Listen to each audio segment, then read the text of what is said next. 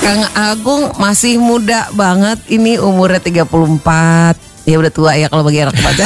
Bagi anak- Oh milenial. Milenial ya. iya, benar. Tapi kau udah tertarik sama binatang namanya kukang. Ceritain dulu kukang tuh apaan sih binatang apa? Ya, eh, kukang tadi disebutnya monyet sih, tapi masih satu golongan lah. Jadi dia Oh. primata, Oh, termasuk primata. Oh, oh, Ah, golongan Cuman Heeh. Dia masih golongan primata, tapi dia primata yang primitif gitu. Jadi Primitif. eh, Oh. jauh dari monyet sama kera gitu. Manusia juga termasuk primata sih, tapi kita yang sempurna banget lah. Makanya aku bilang primata tadi manusia. Oke, dia oh dia emang udah langka. Ka- kalau disebut langka, ini kita lebih menyebutnya lebih terancam punah kali ya. Terancam punah. Terancam punah. Padahal tuh lucu banget ya dia tuh yang Iya. menggemaskan ya.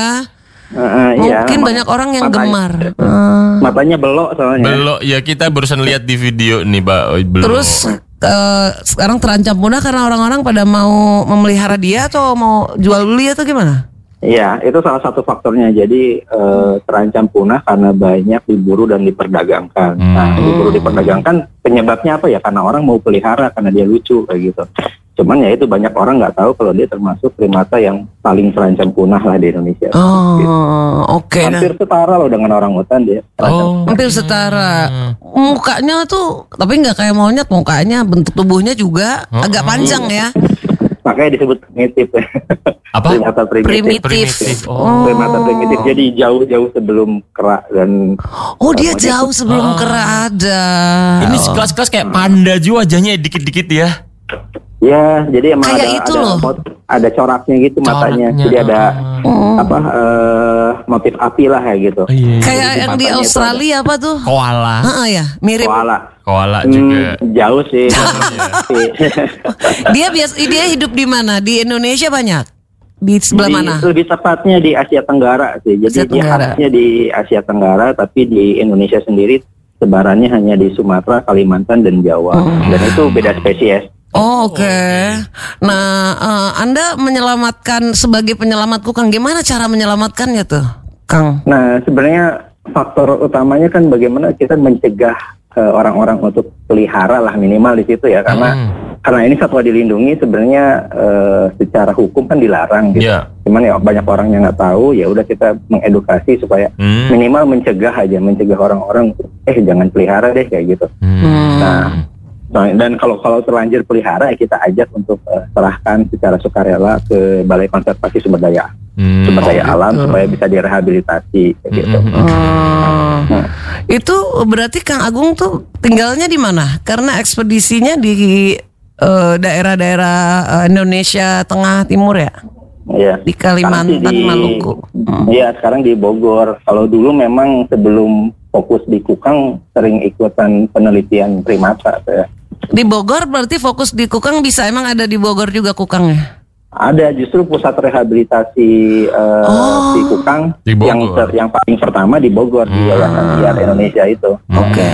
Baiklah. Nah, Kang Agung di antara banyak sekian banyak primata kenapa milih eh, mau fokus di Kukang? Iya, sebenarnya hal pengennya semua sih sebenarnya gitu. Cuman memang waktu itu lihat dari skala prioritas Kukang kayaknya kasus apa permasalahannya tinggi tapi yang eh, benar-benar apa eh, su- mau nolong nyelamatinnya masih sedikit kayak gitu. Hmm. Jadi emang akhirnya eh, dikukang dulu lah kalau misalnya orang hutan kan semua udah banyak ya orang hutan gitu.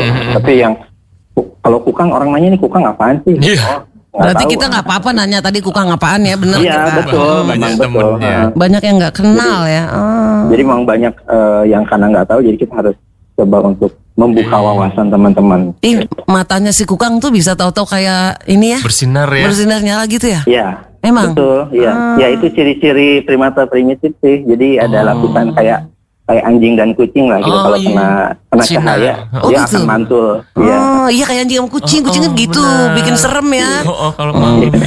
Se- Selama eh, fokus di Kukang lebih dari satu tahun ya?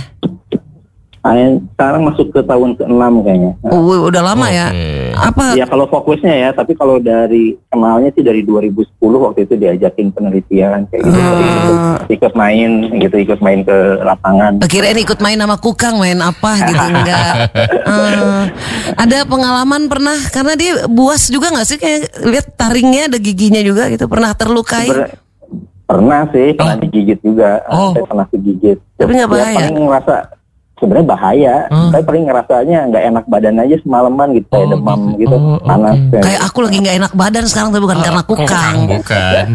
Kegigit Ya, itu- gitu. Oh. Iya itu bahayanya ya, itu Oh. bahayanya kukang. Jadi Oh. si kukang ini kan salah satu satu-satunya primata yang berbisa, Oh, berbisa ya, venom bukan beracun, venomous. oh. Jadi bahaya. Ini ada apa eh, alergennya gitu. Jadi kalau Oh, kita iya. kena gigit kukang, efeknya ya bisa istilahnya alergi dan terjadi pembengkakan lah. Oh, gitu. oke. Emang kamu harus bersentuhan dengan Kukang itu untuk eh, merawat atau gimana?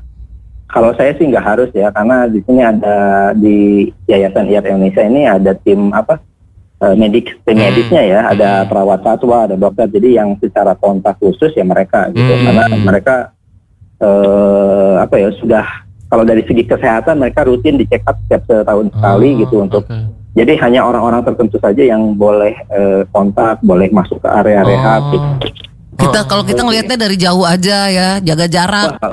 Betul sih emang harus jaga jarak ini. Jadi emang terus apa ya istilahnya penyakit zoonosis ini kan yang yang kita hadapi sekarang kayak wabah juga ini kan zoonosis. Nah, ini juga sudah concern dari dulu kalau dari pusat rehabilitasi untuk menjaga penyebaran penyakit ya dari dulu tuh udah sangat-sangat dijaga lah gitu. Pakai masker tuh udah hal yang biasa gitu. Oke. Apa tantangan terbesarnya tuh ketika harus merawat, menyelamatkan Kukang nih, Kang Agung? tantangan terbesarnya lebih ke persuasif sih gitu mengajak orang itu itu bagaimana meyakinkan orang untuk mau secara sukarela gitu sadar eh, changing behavior lah istilahnya Iya. ya perubahan perilaku itu yang paling paling utama Problem kita di situ ya sekarang lagi pandemi Iya. corona aja tetap orang kumpul-kumpul ya kan, Iya. nggak pakai masker. Di situ sama ya semua hal. betul Oh. iya gitu Terus- jadi prosesnya emang paling pokoknya paling finalnya tuh bagaimana kita bisa mengubah perilaku Yes. Hmm. Terus eh, harapan anda sendiri gimana, Kang Agung de- de- tentang Kukang ini?